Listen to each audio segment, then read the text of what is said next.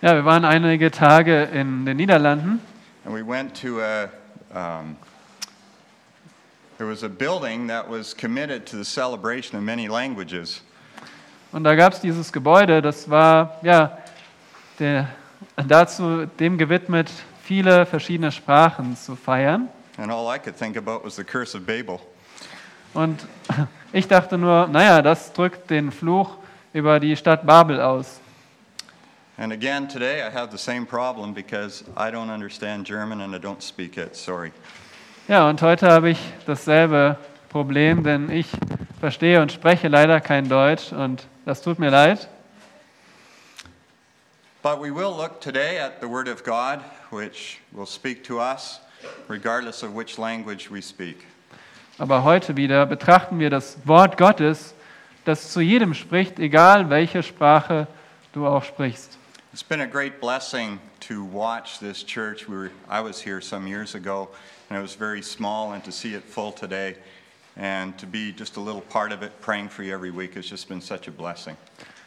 Es ist wirklich ein großer Segen für mich, hier zu sein und zu sehen, wie viele Menschen sich Sonntagmorgen versammeln, um Gottes Wort zu hören. Einige Jahre zuvor war ich hier, da waren es wesentlich weniger und ja, es ist ein, ein Vorrecht für mich, für euch zu beten. Recently, I went through a series of sermons that I'll be speaking next week in South Africa on idolatry. Vor einiger Zeit bin ich in meiner Predigtserie durch das Thema Götzendienst gegangen und ich werde auch in der Zukunft in Südafrika über dieses Thema sprechen. And at the, the final sermon that I taught was from Colossians 2 and Colossians 3, where in Colossians 3 it talks about setting our minds on things above. Und die letzte Predigt in dieser Predigtserie über Götzendienst war aus Kolosser 2 und Kolosser 3. Und ihr wisst vielleicht, in Kolosser 3 beginnt es damit, setzt eure, richtet eure Gesinnung auf die Dinge, die droben sind, im Himmel. And in that session, I spoke on the need for meditation in the Christian life. Und in dieser Serie, in dieser Predigt, habe ich vor allem eins betont, diese Notwendigkeit des Nachsinnens. And in the longest psalm in the Bible, the 119th, the psalmist dealt with many aspects of the Word of God, the law of God, the precepts of God, and so on, all drawing our attention to the heaven sent revelation that we hold in our hands. Und in dem längsten Psalm, dem Psalm 119, wo der Psalmist sich mit diesen verschiedenen Aspekten des Wortes Gottes beschäftigt, das Wort Gottes als Gesetz, als Vorschriften.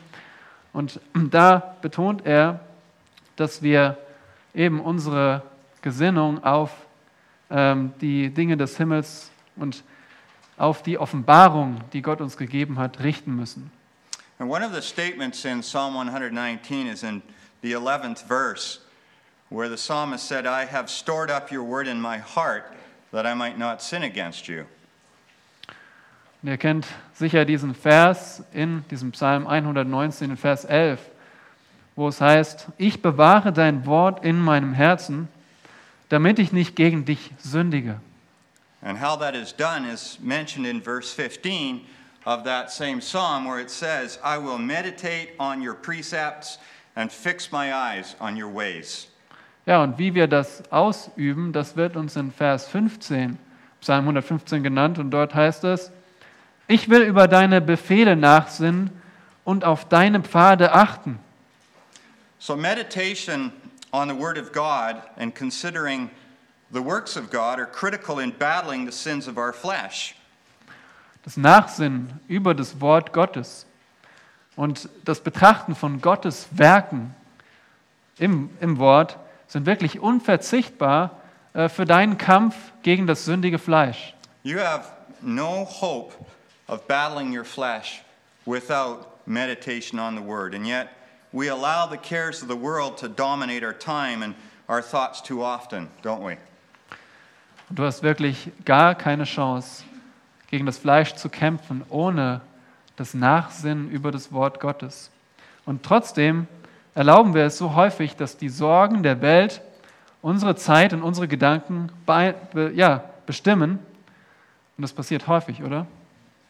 We allow that which appeals to our sinful nature to intrude into the most important of all of our exercises, that of meditation on the biblical truths and on the historical activities of our gracious Lord. That the psalmist said, fixing our eyes on his ways. Und wir lassen es zu, dass ja, das, was unsere sündigen Neigungen anspricht, dass wir lassen zu, dass das äh, die wichtigste aller Übungen, nämlich das Nachsinnen, dass diese weltlichen Dinge das Nachsinnen verdrängen und so ja, unser Nachsinnen über, über die Wahrheiten der, der Bibel einfach aus unserem Leben herausgedrängt wird.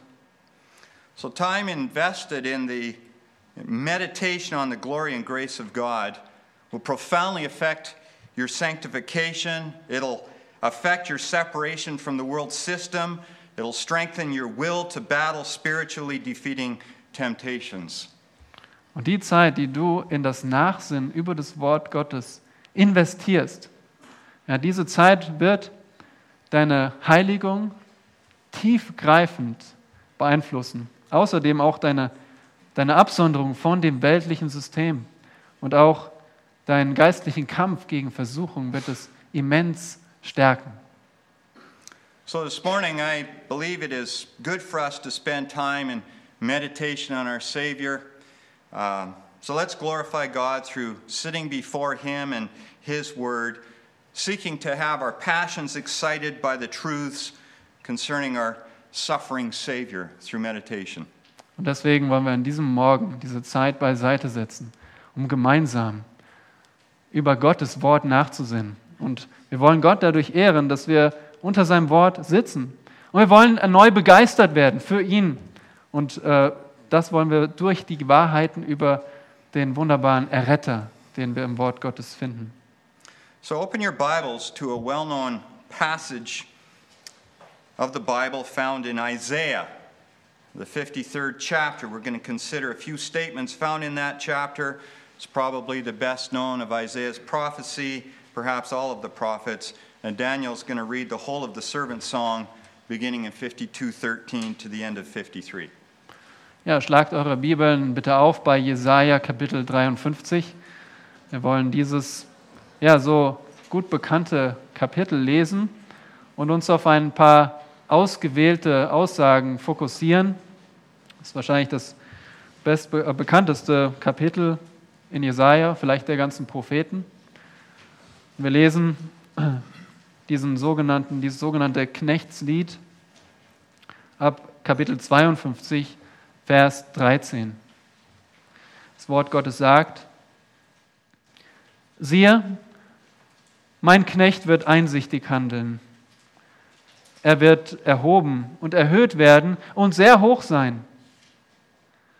Wie sich viele über dich entsetzt haben, so entstellt war sein Aussehen mehr als das irgendeines Mannes und seine Gestalt mehr als die der Menschenkinder. Ebenso wird er viele Nationen besprengen. Über ihn werden Könige ihren Mund schließen, denn sie werden sehen, was ihnen nicht erzählt worden war und was sie nicht gehört hatten, werden sie wahrnehmen. Wer hat unserer Verkündigung geglaubt? An wem ist der Arm Jahwes offenbar geworden? Er ist wie ein Trieb vor ihm aufgeschossen und wie ein Wurzelspross aus dürrem Erdreich.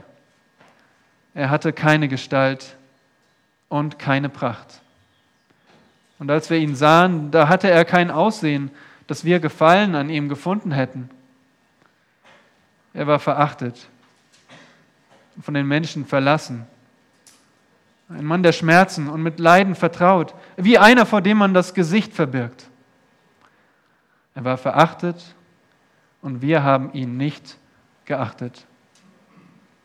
Jedoch, unsere Leiden, er hat sie getragen und unsere Schmerzen, er hat sie auf sich geladen.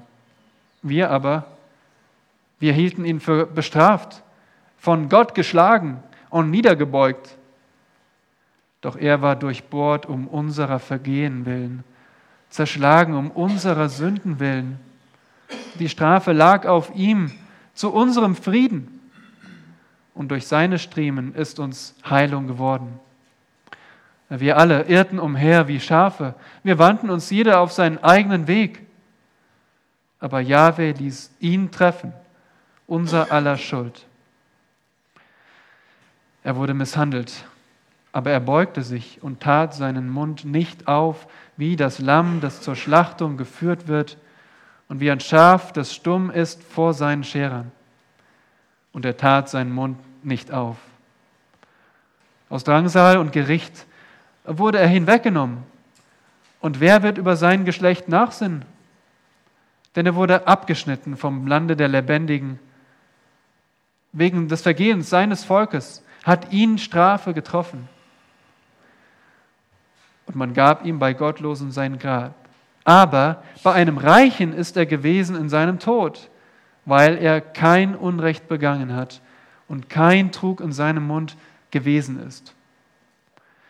Doch Jahwe gefiel es, ihn zu zerschlagen. Er hat ihn leiden lassen. Wenn er sein Leben als Schuldopfer eingesetzt hat, wird er Nachkommen sehen. Er wird seine Tage verlängern. Und was Jahwe gefällt, wird durch seine Hand gelingen. Um der Mühsal seiner Seele willen wird er Frucht sehen. Er wird sich sättigen. Durch seine Erkenntnis wird der Gerechte, mein Knecht, den vielen zur Gerechtigkeit verhelfen. Und ihre Sünden wird er sich selbst aufladen. Und darum werde ich ihm Anteil geben unter den Großen. Und mit Gewaltigen wird er die Beute teilen. Dafür, dass er seine Seele ausgeschüttet hat in den Tod und sich zu den Verbrechern zählen ließ. Er aber hat die Sünde vieler getragen und für die Verbrecher Fürbitte getan. From a few of the statements that have been read, we're going to consider five observations concerning the suffering of our Savior so that we will live for Him more, but also as a way to lead us in a time of meditation. Ja, und auf Grundlage dieser ausgewählten Aussagen in diesem Kapitel wollen wir uns gemeinsam, wollen wir gemeinsam fünf Beobachtungen machen, fünf Beobachtungen der Leiden unseres Retters, damit wir mehr für ihn leben. Aber auch Beobachtungen, wir wollen diese Beobachtungen machen, um über Gottes Wort gemeinsam nachzusinnen. Now, sadly, the church has been infiltrated so that the very biblical and God honoring activity or practice of meditation has been injured through false practices. Es ist eine sehr traurige Sache, dass die Gemeinde Jesu Christi unterwandert wurde ja, von, äh, von ja, sogenannter Meditation. Und so wurde diese biblische und Gott ehrende Aktivität des Nachsinnens wurde dadurch einfach beeinträchtigt. Not that long ago, a movement swept through the North American church that was getting people to practice meditation, except it wasn't meditation on the, the Bible. Ja, vor nicht allzu langer Zeit gab es eine Bewegung in Nordamerika und diese Bewegung hatte das Ziel, Meditation zu verbreiten, aber es war nicht Meditation oder Nachsinn über die Bibel. One best selling practitioner of this movement was Richard Foster, who taught that meditation is good but can be dangerous. And he taught that meditation was the art of, quote, the inner reality of the spiritual world, which is available to all who are willing to search for it, whatever that means. Und einer dieser ja, Bestseller-Autoren und auch Praktizierender von, von dieser Meditation war Richard Foster.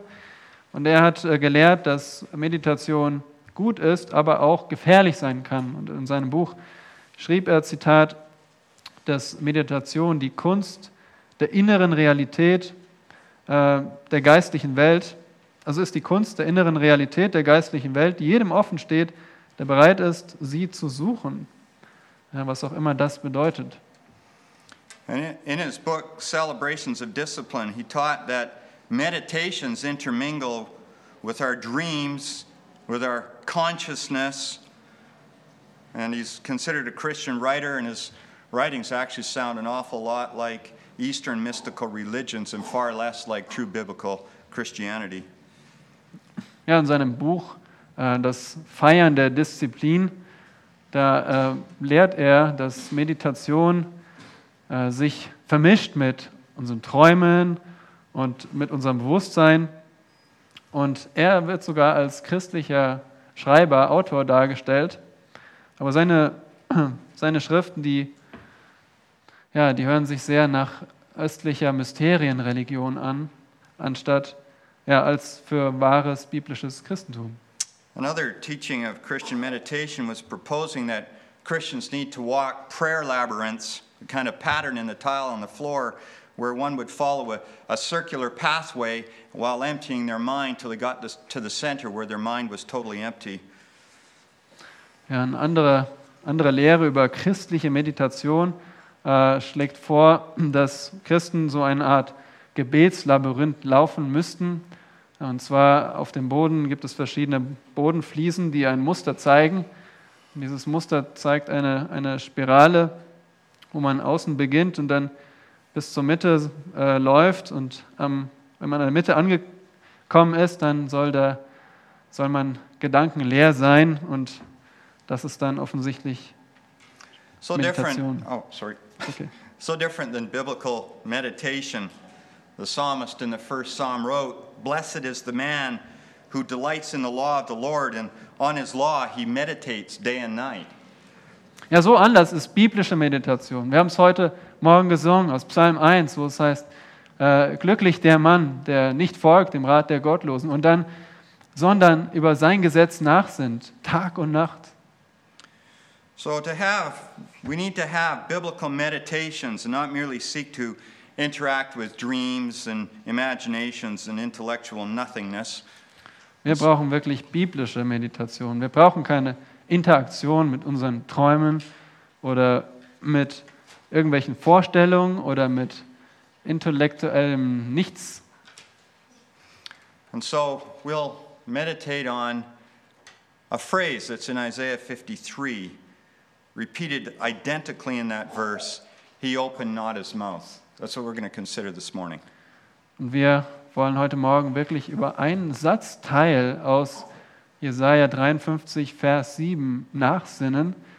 Und dieser Satzteil heißt hier: Er tat seinen Mund nicht auf. The Hebrew is even stronger in that phrase, it asserts the strongest negative sentiments. He absolutely did not open his mouth. Und das Hebräische ist hier ist noch, noch stärker, als es im Deutschen rüberkommt. Äh, wörtlich heißt das, er hat absolut nicht seinen Mund aufgetan.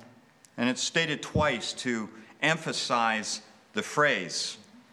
Ja, und ihr seht, dass es zweimal vorkommt in dem Vers, um, um genau diesen Satzteil, diese Aussage zu betonen.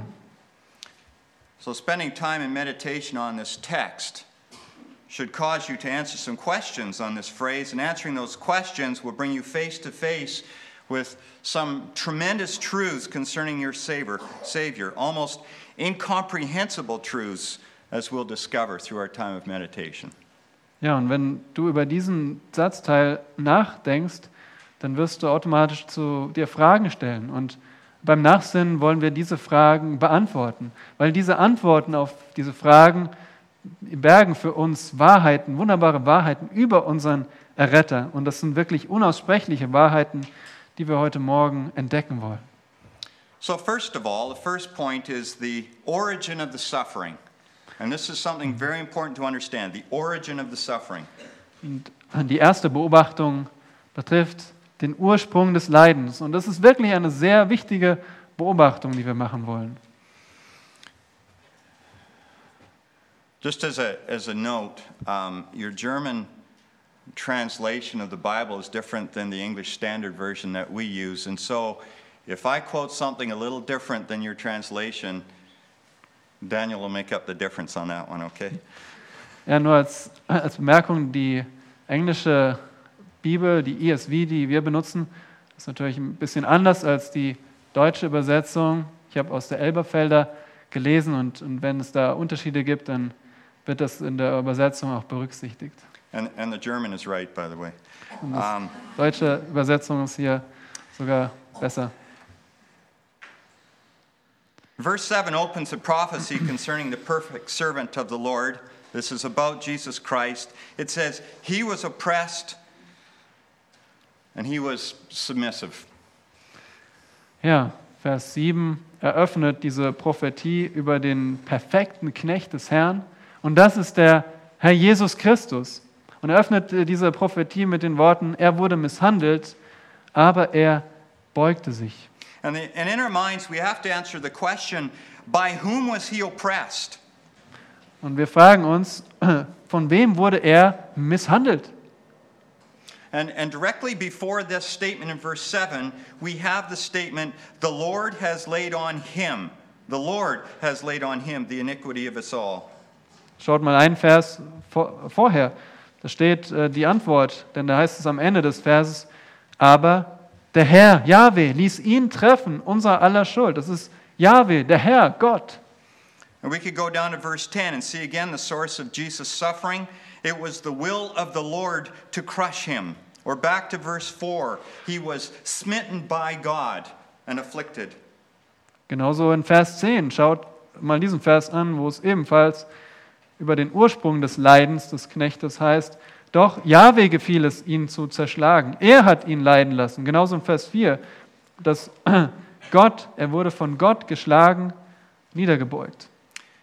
And the text is clear on the source of his suffering. It was God who struck him. It wasn't Pilate, it wasn't the Roman soldiers, it wasn't the Jewish leaders, it was God. Und so macht der Text eines klar, dass die Ursprung des Leidens des Herrn Jesus Christus, des Knechtes des Herrn, nicht primär bei den Römern zu suchen war oder bei den Juden, sondern bei Gott selbst. You see, the, the suffering of the Savior was intensely an act of God, not madmen driven by the devil. Und ihr seht, dass ja, die Leiden des Retters, dass es ein Handeln, ein Werk Gottes war und nicht von bösen Menschen, die von dem Teufel getrieben waren, primär. I mean, sure, humanity did a, an awful lot of physical damage to our Savior the whipping, the humiliating, the torturing, the crucifying, all very terrible acts of human hatred.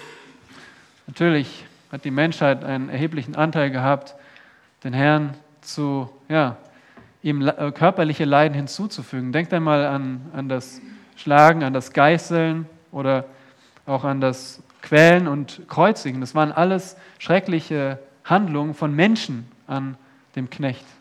But that's not the subject matter of Isaiah 53. Isaiah 53 is looking at the vicarious sufferings of our Savior, the sufferings for our sins. And I want to be very clear on this. That happened during the three hours of darkness as Jesus hung by the nails driven through him into the cross. Aber der Fokus von Jesaja 53 ist nicht das, was Menschen dem Retter zugefügt haben, sondern das, was Gott ihm zugefügt hat. Und ich will sehr deutlich sein, das, was er hier beschreibt, dass diese Leiden, das ist äh, passiert in den drei Stunden der Dunkelheit, als der Herr Jesus am Kreuz hing. That's when he was oppressed. In, in verse 7. That's when he was oppressed. That is the oppression which our scripture is describing. Und das ist der Zeitpunkt, als er misshandelt wurde, wie es hier heißt. So the origin of our Savior's suffering was God Himself.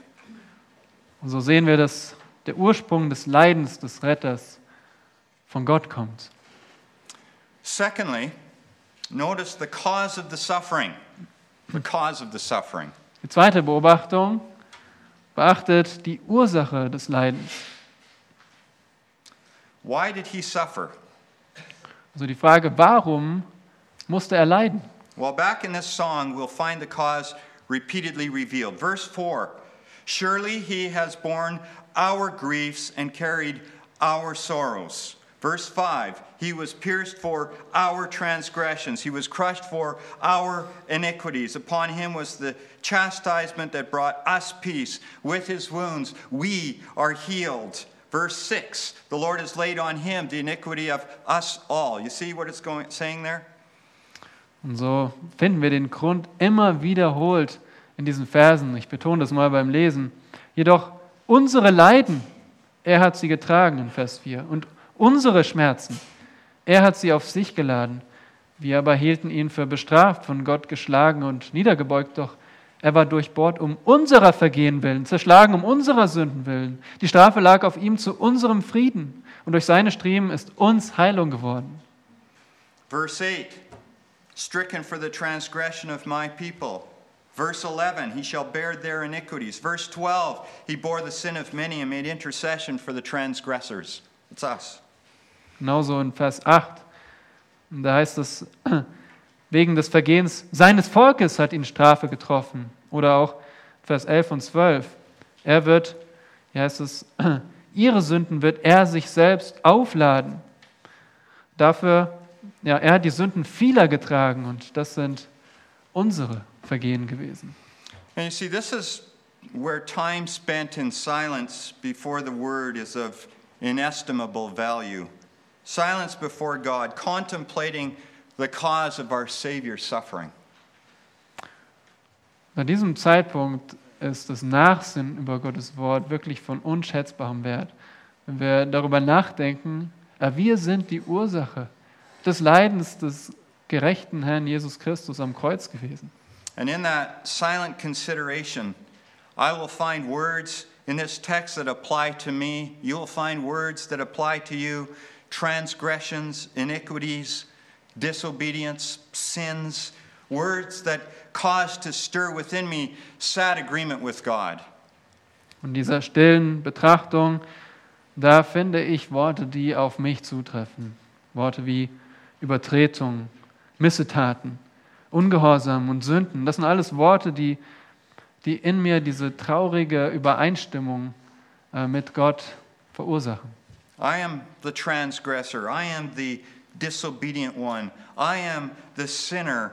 And as I consider this amazing love, you see, this is meditation. As I consider this amazing love, I wonder to myself, why do I sin against the one who loves me so much? Und so denke ich weiter nach. Ich, ich bin der Übertreter. Ich bin der Ungehorsame. Ich bin der Sünder. Und, und während ich weiter nachsinne, komme ich dann zu dem Gedanken, warum, ja, warum sündige ich so sehr gegen den, der mich so sehr liebt? What a tragedy that I'm a sinner when my Savior is so good to me. You know, is that something you spend time considering? Or does your sinfulness merely irritate your pride?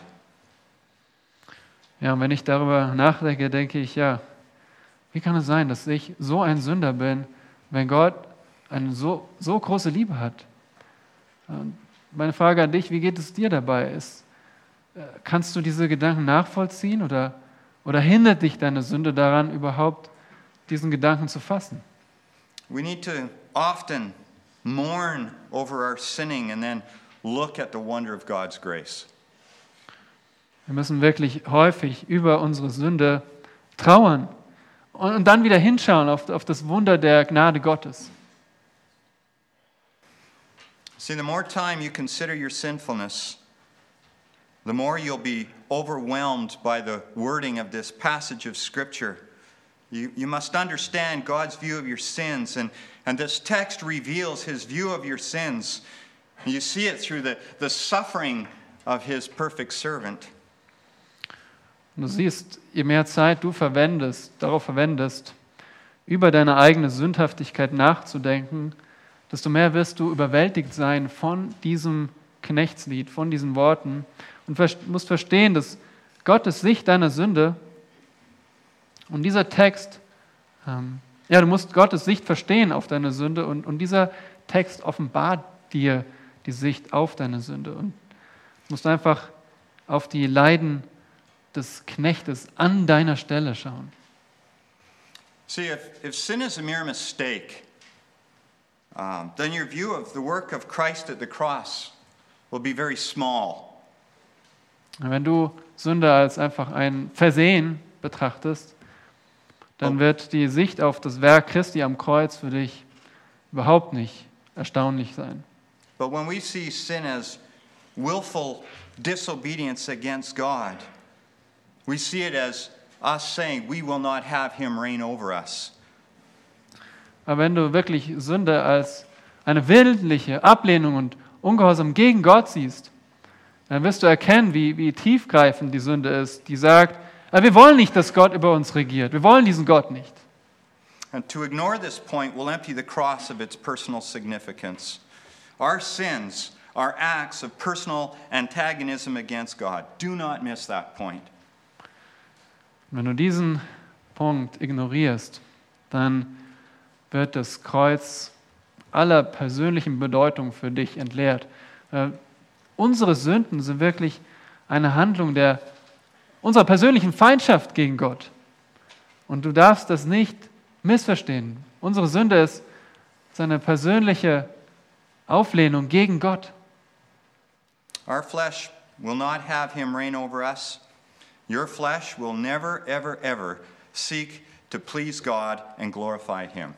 Never. Unser Fleisch will niemals, dass Gott über uns regiert. Ja, unsere sündige Neigung, unsere sündige Natur will niemals und wirklich niemals, dass Gott äh, regiert oder dass wir ihm, ihn ehren oder ihm gefallen. Niemals. So, verse 7 again. He was oppressed. That was my doing. Nochmal Vers 7. Er wurde misshandelt. Und das war, das habe ich selbst verursacht. Would you agree with me that it was your sins, it was your acts of disobedience that caused his intense suffering? Wirst du mit mir übereinstimmen, dass deine Sünde diese, dieses intensive Leiden des Retters verursacht hat? Look at verse 5. He was crushed for our iniquities. Crushed, not stressed. He was crushed for our sake, for our sins, for our acts of disobedience. That was the cause of his suffering. We are the cause of his suffering. Schau nochmal auf Vers 5. Da heißt es, dass er zerschlagen wurde um unserer Sünden willen. Er wurde nicht nur ein bisschen bedrückt, gedrängt, er wurde zerschlagen. Er wurde wirklich zermalmt um unserer Sünden willen. Um unserer Sünden willen, unserer Missetaten, unser Vergehen und unserem Ungehorsam. Now, the third point we're going to look at is the submission to the suffering. And this is the most important point this morning. Die dritte Beobachtung betrifft das Unterordnen unter das Leiden. Und das ist so die zentrale Beobachtung heute Morgen. Look at verse 7. You'll note the silence of the servant, servant is mentioned twice, emphasizing something that we should never gloss over without much thought. He did not open his mouth. Und betrachte nochmal Vers 7. Schau mal hin, da steht zweimal, dass er seinen Mund nicht auftat. Wenn du in der Bibel etwas wiederholt siehst, dann darfst du nie darüber hinweglesen. Dann hat es Bedeutung, dann ist es betont. I took you through consideration of the origin of the suffering for this very reason. If the oppression was done by God, then the silence was also before God. Darum habe ich dich auch durch den Ursprung des Leidens geführt. Wir haben gelernt, äh, der Ursprung des Leidens kam von wem? Von Gott. Und deswegen ist auch diese, diese Stille gemeint, die, das ist die Stille des Retters vor Gott. Again, the context has to do with the activity of God in dealing with the iniquities of his people and not the works of humanity goaded on by the devil. Wir haben schon gesehen, dass in diesem Kontext geht es um die Leiden, die dem Retter von Gott zugefügt wurden. Es geht nicht primär um das, was die Menschen getan haben, was Gott getan hat. And so, in verse 7, it says he was oppressed and submitting, he didn't open his mouth. In Vers 7 heißt es, er wurde misshandelt, aber er beugte sich und er tat seinen Mund nicht auf. If you notice in the text, and, and looking at details is important to meditation, it doesn't state that he was, he was led as a lamb to the slaughter, as if he was representing a lamb. That's in another passage of Scripture. Und wenn du hier siehst, dann heißt es, wird er mit einem Lamm verglichen. Aber es geht nicht so sehr darum, dass er jetzt wie ein Lamm zur Schlachtung hingeführt wird, diese, äh, diese Opferung. The emphasis has to do with the silence, the submitting. And so we ask the question why was he silent? What was the, what, the significance of that silence? Hier wird dieses, dieser Vergleich gemacht mit dem Lamm, nicht so sehr, weil das Lamm ja geopfert wird, sondern weil das Lamm stumm und still ist vor der Schlachtung. Es geht um diese Stille vor der Schlachtung. And the answer is it was silent submission to the will of his heavenly master. Warum ist dieses Lamm still? Warum ist der Retter still? Es war stille Unterordnung unter den Willen des Meisters, nämlich Gott selbst. It was the silence of one that understood what it was he was enduring.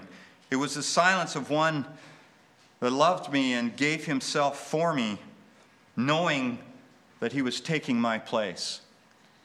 Es war diese Stille äh, von jemandem, der weiß, was er tut. Es war die Stille von jemandem, der an meiner Stelle die Leiden trägt. But especially, listen carefully to this, it was his silence before the law. His silence mm-hmm. before justice brought against the broken law of God. Aber vor allem war es die Stille vor dem Gesetz Gottes. Die Stille vor, vor dem Gesetz, was, was mich verurteilt. Romans 3 19 and 20. Now we know that whatever the law says, it speaks to those who are under the law, so that every mouth may be stopped, every mouth silenced, and the whole world be held accountable to God. In Römer 3, Vers 19 bis 20 heißt es, wir wissen aber, dass alles, was das Gesetz sagt, es denen sagt, die unter dem Gesetz sind, äh, damit jeder Mund verstopft werde und die ganze Welt dem Gericht Gottes verfallen sei. So, when any person in this world, in any part of this world, in any part of history comes up against the law of God and is compared to it, the result will always be silence, necessarily so. Wenn irgendeine Gesellschaft, irgendeine Gruppe von Menschen mit dem Gesetz Gottes in Berührung kommt und dem Gesetz Gottes gegenübergestellt wird, dann gibt es nur eine Reaktion, nämlich absolute Stille. Now, I, uh, I was involved in raising four children. My wife and I have four children. And what I found when they were little, and as they were growing up, if I told them that they had done something wrong, um, was, was that they were happy to admit that they had done wrong. And they were happy to apologize. And they were happy to have me correct them. Ja, meine Frau und ich, wir haben vier Kinder und wir haben also diese vier Kinder erzogen, aufgezogen und was, was wir so, was unsere Erfahrung war, dass wenn sie etwas falsch gemacht haben, dann waren sie wirklich schnell dabei, das, das Falsche zu, zuzugeben, dass sie etwas falsch gemacht haben. Und sie waren auch sehr fröhlich dabei, um Entschuldigung zu bitten und sie waren schnell dabei, ihre falschen Wege zu korrigieren. Actually, I'm lying. Also ehrlich gesagt habe ich euch jetzt angelogen And you knew that. und ihr wusstet das. They were, they were very unhappy. And the one word that seemed to mark every confrontation I had with them over wrongdoing was the word but. Also sie waren sehr unglücklich darüber, wenn ich sie mit ihrem Fehlverhalten konfrontiert habe. Und ein Wort, was immer wieder aufgetreten ist, war aber. It, it, you, you'd show them they were wrong, and, and the answer was always, but I was just. You ever hear that line? Ich habe ihnen das Yeah, vor Augen geführt, was, was sie falsch gemacht haben. Und sie haben dann gesagt, aber ich habe doch nur, habt ihr das schon mal gehört? In a coming day, when the world stands before God at the appointed judgment, that word will never escape anyone's mouth. Ja, an dem zukünftigen Tag, wenn alle Welt vor Gott und seinem Gericht steht, dann gibt es niemanden, äh, der auch nur einmal diese Worte über die Lippen bringen kann. Aber There will be no, but I was just. When the law of God is brought out, every mouth will be stopped, and the whole world will be held accountable to God. Ja, dann wird es keinen geben, der sagen kann, aber ich habe nur. Nein, wenn das Wort, wenn, wenn das Gesetz Gottes, besser gesagt, vor Augen gestellt wird, ja, herausgeholt wird, dann wird jeder Mund verschlossen werden. Dann wird keiner äh, sich verteidigen können, weil jeder vor Gott schuldig und verantwortlich ist. But there will be one group of people there who will be able to say, but. And Ah. that will be the redeemed of all ages. Aber es wird eine Gruppe geben, die aber sagen kann. Und das ist die Gruppe derer, die, die erlöst sind äh, von Gott. Because we'll be able to say, but Christ once suffered for my sins, and now I'm forgiven. Amen? Aber wir werden sagen können an diesem Tag, aber Christus hat für uns, hat für mich gelitten, an meiner Stelle die Sünden getragen. Amen. But Christ, on our behalf and because of our sins, was once silent before the claims of the law. And not once during the darkness did he argue with or protest to God about the injustice of wrath against sin. Not once. Aber Christus hat an unserer Stelle und aufgrund unserer Sünde in der Stille verharrt vor, ja, vor dem Gesetz Gottes. Nicht einmal hat er in dieser, dieser, diesen drei Stunden der Finsternis ähm, ja, diskutiert oder gegen Gott gestritten. Er hat niemals gegen Gott geprotestiert, obwohl er die Sünde anderer getragen hat. He was oppressed, he was treated harshly, and he submitted by absolutely not opening his mouth. His silence was deafening because he demonstrated to us the validity of the justice of God's wrath against sin. So wurde er unterdrückt, misshandelt, aber er hat sich gebeugt, er hat sich untergeordnet, indem er absolut niemals seinen Mund aufgemacht hat gegen Gott. Und seine, seine Stille war wirklich betäubend, weil er, er hat demonstriert, dass Gottes äh, gerechter Zorn, dass er Gültigkeit hat. Gottes Zorn gegen Sünde. Twice we find a description of his submission to the wrath of God. He absolutely did not open his mouth. And in that double statement is our great relief. Not forced against his will, not arguing about the reasonableness or logic of what he did, just silent submission. Ja, und wir finden diese Aussage zweimal in dem Vers, die Aussage, dass er absolut nicht seinen Mund aufgetan hat an dieser Situation. Und das zeigt, dass er, dass er nicht gezwungen am Kreuz hing und zeigt uns, dass er einfach still sich untergeordnet hat, unter Gottes Willen zu leiden. Does that thought excite your heart and mind to worship? That there was one man who willingly suffered the worst of punishments, and he did it on your account without protest? Does it amaze you? Does it draw out from your heart a, a sense of wonder? It ought to do so. Wie ist es mit dir? Begeistert dich dieser Gedanke über unseren Retter? Verursacht das in dir Anbetung? Führt es dich dahin, Gott anzubeten? Denn da gab es einen Mann, der willentlich das Schlimm, die schlimmste aller Strafen auf sich genommen hat. Und das an unserer Stelle und auch noch ohne Protest. Ja, begeistert dich das? Erstaunt dich das überhaupt? Führt es dich dafür, dazu, dass du von Herzen darüber staunst und dich wunderst? Genau das sollte es tun. Well, we'll look at a fourth point now, and that is the outcome of the suffering. Wir wollen eine vierte Beobachtung machen und die betrifft das Ergebnis des Leidens. And we're going to look at verse 11 for this. Absolutely amazes me, this verse of Isaiah 53. Out of the anguish of his soul he shall see and be satisfied. By his knowledge shall the righteous one, my servant, make many to be accounted righteous, and he shall bear their iniquities. Und dazu wollen wir uns Vers 11 anschauen. Und dieser Vers, der begeistert mich einfach, denn dort heißt es, um der Mühsal seiner Seele willen wird er Frucht sehen, er wird sich sättigen. Durch seine Erkenntnis wird der Gerechte, mein Knecht, den vielen zur Gerechtigkeit verhelfen. Und ihre Sünden wird er sich selbst aufladen. And in our meditations, we ask, satisfied in what way? Satisfied that the demands of God's law have been met? The soul that sinned shall die. We sinned, he died. The crime has been met with divine justice, and we are forgiven. We're free.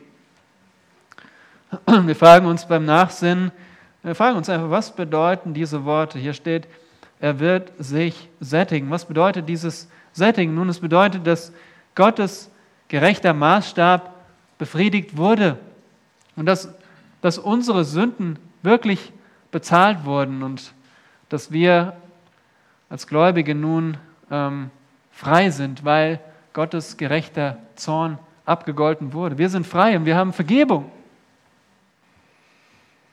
Verse 11 The servant makes many to be accounted righteous as he bore their iniquities. So heißt es, durch seine Erkenntnis wird der Gerechte, mein Knecht, den, den vielen zur Gerechtigkeit verhelfen. This is as good a definition of justification as you will find anywhere in Scripture. Ja, und da findest du eine Definition für Rechtfertigung, die ja wirklich astrein ist. He made us to be accounted righteous since he bore our iniquities. That is the amazing, wonderful, hope filled outcome of his suffering. Hier steht, den vielen wird er zur Gerechtigkeit verhelfen und wie und ihre Sünden wird er sich selbst aufladen. Das heißt, er hat sich die Sünden äh, anderer aufgeladen und, und im Gegenzug verhilft er ihnen zur Gerechtigkeit, zur Rechtfertigung. We have a, a wonderful hymn in English, and I found out this morning that you also have the same hymn in German. And the words of it are Before the throne of God above, I have a strong, a perfect plea, a great high priest whose name is love, whoever lives and pleads for me. Und das ist das wunderbare Ergebnis seines Leidens, dass er uns zur Rechtfertigung verhilft. Und das erinnert mich an diese wunderbare Hymne. Ich habe äh, gelernt, dass ihr sie auch im Deutschen habt. Diese Hymne vor Gottes Thron, da heißt es, äh, vor Gottes Thron tritt Jesus Christ stark und vollkommen für mich ein, der, dessen Name Liebe ist, der ewige Hohepriester mein. And how can he do that? Well, the latter half of the second verse of that hymn says, Because a sinless Savior died, my sinful soul is counted free. For God the just is satisfied to look on him and pardon me. Ja, wie kann er für mich eintreten? Die zweite Hälfte der zweiten Strophe zeigt es uns. Da sündlos Schuld ans Kreuz er trug, gelt ich als frei nun ewiglich. Gott, dem Gerechten, ist's genug. Er sieht den Sohn, begnadigt mich. And that's why Jesus hung on a cross, held by crudely fashioned nails through his hands and feet. That's why during those three intensely tortuous hours, he opened not his mouth. He fell silent before the law of God and he submitted to the justice of God's wrath against sin. Genau aus diesem Grund hing der Herr Jesus Christus am Kreuz. Aus diesem Grund wurden seine Hände und Füße von Nägeln durchbohrt. Und aus diesem Grund hat er diese drei Stunden der Finsternis durchlitten und aus diesem Grund hat er seinen Mund nicht aufgetan. Er war vollkommen still vor den Forderungen des Gesetzes Gottes und er hat ja, Gottes Zorn auf sich genommen und sich dem gebeugt. He was oppressed and he submitted. He didn't open his mouth. And he did it for hell deserving sinners like me. Amazing, isn't it? Wir sind immer noch hier in Vers 7. Er wurde misshandelt, aber er beugte sich nicht. Er hat seinen Mund nicht aufgetan. Und das für, für Sünder, die die Hölle verdienen. Äh, erstaunt dich das nicht? You see the importance of meditation on the Word of God? You you get it? Are, are you being affected by your meditations of this little part of a verse found in Isaiah? Ja, siehst du jetzt die, die Wichtigkeit des Nachsinns über das Wort Gottes?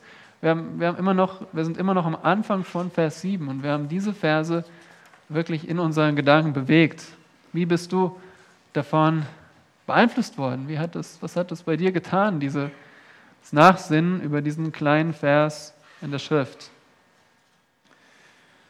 The fifth point, final point that we're going to look at this morning is the impact of the suffering. Eine fünfte Beobachtung, die wir machen wollen, ist, betrifft den Einfluss des Leidens. The, outcoming, the outcome of the suffering of our Savior is our justification. We are declared righteous. And, and then, as we think about that, our emotions become involved. That's the impact of His suffering. Das Ergebnis des Leidens war, dass wir gerechtfertigt sind.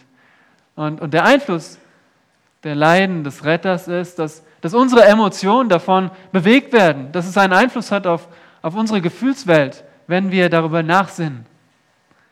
When I'm, when I'm amazed, I'm overwhelmed, I'm affected within, and my, my mind is altered, and my flesh is weakened, and my resolve to live for Christ grows.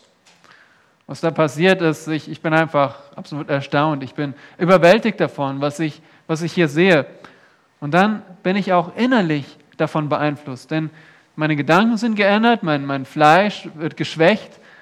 Ja, und mein Entschluss, gegen die Sünde zu kämpfen und, und für Christus zu leben, wächst dabei.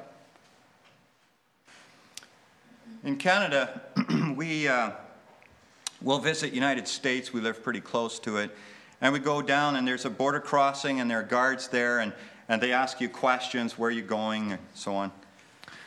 Ja, wenn wir nach, äh, von Kanada in die USA gehen und wir, wir leben relativ nah an der Grenze, sodass wir das auch machen können, dann werden wir jedes Mal an der Grenze angehalten und egal wo wir hingehen, gibt es dort eben Zollbeamte oder Beamte, die uns überprüfen.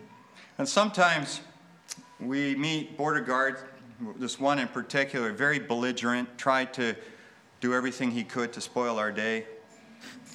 Ja, und, und äh, manchmal treffen wir einen, einen Beamten, der eben irgendwie streitsüchtig ist oder der einfach unseren Tag kaputt machen will. And other times I've met really nice ones who were very polite, pleasant, and it was much easier. Aber manchmal treffen wir auch auf ja, freundliche Beamten und das ist dann viel einfacher, mit ihnen umzugehen. And, and both the really nice ones and the belligerent ones were asking the same questions of me and seeking my submission to the same laws of the land.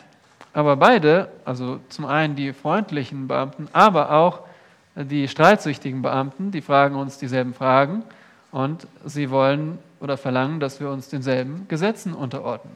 And, and the ones who were nice got my cooperation readily. And the other ones, well, they got my cooperation, but it didn't come from the heart, right? Ja, und bei den freundlichen Beamten, äh, da war es viel mir leicht, mich ihnen unterzuordnen oder ich habe gerne mit ihnen zusammengearbeitet, während bei den Streitsüchtigen, naja, da, da ist es ein bisschen schwieriger und da kommt dann die Unterordnung nicht so, so von Herzen. Our Lord didn't have to be nice to us. He could have been all about the law, nothing about grace. And we may have tried to keep the law because He demanded it. Ja, wir sind vor Gott verantwortlich und er hätte genauso gut ohne Gnade und ohne Freundlichkeit Unterordnung unter sein vollkommenes Gesetz fordern können.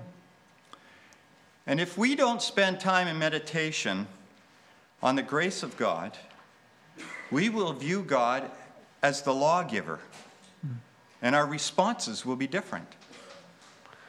Ja, und wenn wir über Gott nachsinnen, ohne, oder wenn wir Gott betrachten, ohne über seine Gnade und über seine Güte nachzusinnen, dann werden wir ihn nur als den Gesetzgeber sehen.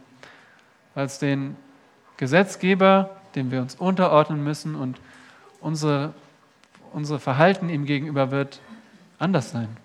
But his ways with us are not cold facts and academics about justice and laws.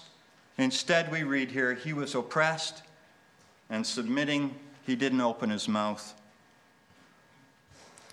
Ja, aber wie Gott mit uns umgeht, er ist nicht einfach nur kalt, ihm geht es nicht nur um das Gesetz, nein, er ist selbst Mensch geworden und er hat seinen Mund nicht aufgetan, der Retter, gegenüber dem Gesetz Gottes für uns. And as we consider that he was oppressed, we're at once amazed and we're overwhelmed by the grace and love of God, aren't we? Ja, und wenn wir darüber nachdenken, über diese Tatsachen, dann sind wir einfach erneut überwältigt, erstaunt über die Gnade und die Liebe unseres Gottes. The love of the silent, suffering Savior. It's incomprehensible. Oh, to spend time in meditation on Him and His work for us, because it will work to the good of our sanctification. Ja, und die Liebe des stillen Retters, der sich still untergeordnet hat unter das Gesetz Gottes für uns. Diese Liebe und Gnade, die ist einfach unbeschreiblich. Und, und wir müssen einfach Zeit damit verwenden, darüber nachzusinnen. Zeit damit zu verwenden, über Gottes Wort nachzudenken.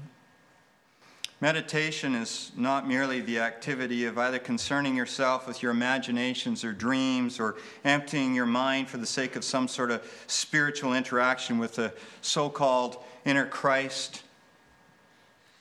Und so ist Meditation oder Nachsinn hat nichts zu tun mit damit, dass du deine Gedanken entleerst oder damit, dass du dich mit deinen Träumen beschäftigst, deinen Vorstellungen oder irgendeine Art äh, von geistlicher Interaktion, mit dem sogenannten inneren Christus.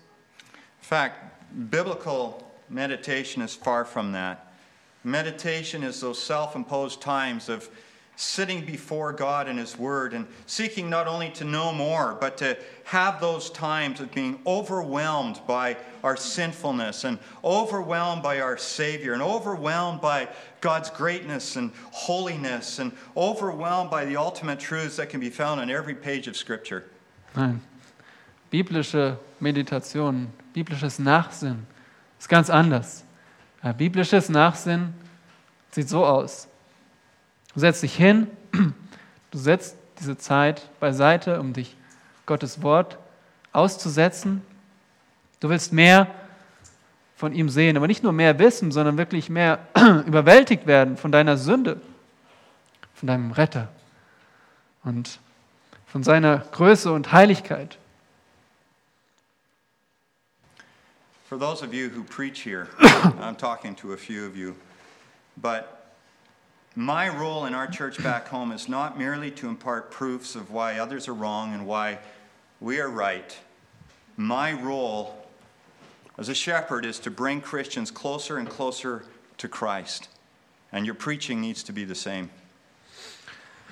Ja, meine Rolle ähm, zu Hause in der Gemeinde ist nicht, dass ich einfach nur predige, wo andere falsch liegen und wo wir richtig liegen. Meine Rolle ist, dass wir Christen näher zu Christus bringen. Und ich hoffe, dass ich das auch hiermit getan habe. So may our God and each aid each of us who know him to be increasingly overwhelmed by him through meditation on his wonderful Bible until our hearts are lost in wonder, love, and praise. To him belongs the glory, the majesty, and all worship, both now and forever. Amen. Ja, möge unser Gott wirklich jedem von euch helfen, ihn besser kennenzulernen. Und zwar dadurch, dass ihr mehr und mehr von ihm überwältigt seid durch das Nachsinnen über sein wunderbares Wort. Äh, auf dass eure Herzen sich darin verlieren und in Wunder und äh, ja, Entwunderung und Liebe und, und Lobpreis versinken. Und zu ihm gehört die Ehre und die Majestät und alle Anbetung, jetzt und auch in Ewigkeit. Amen.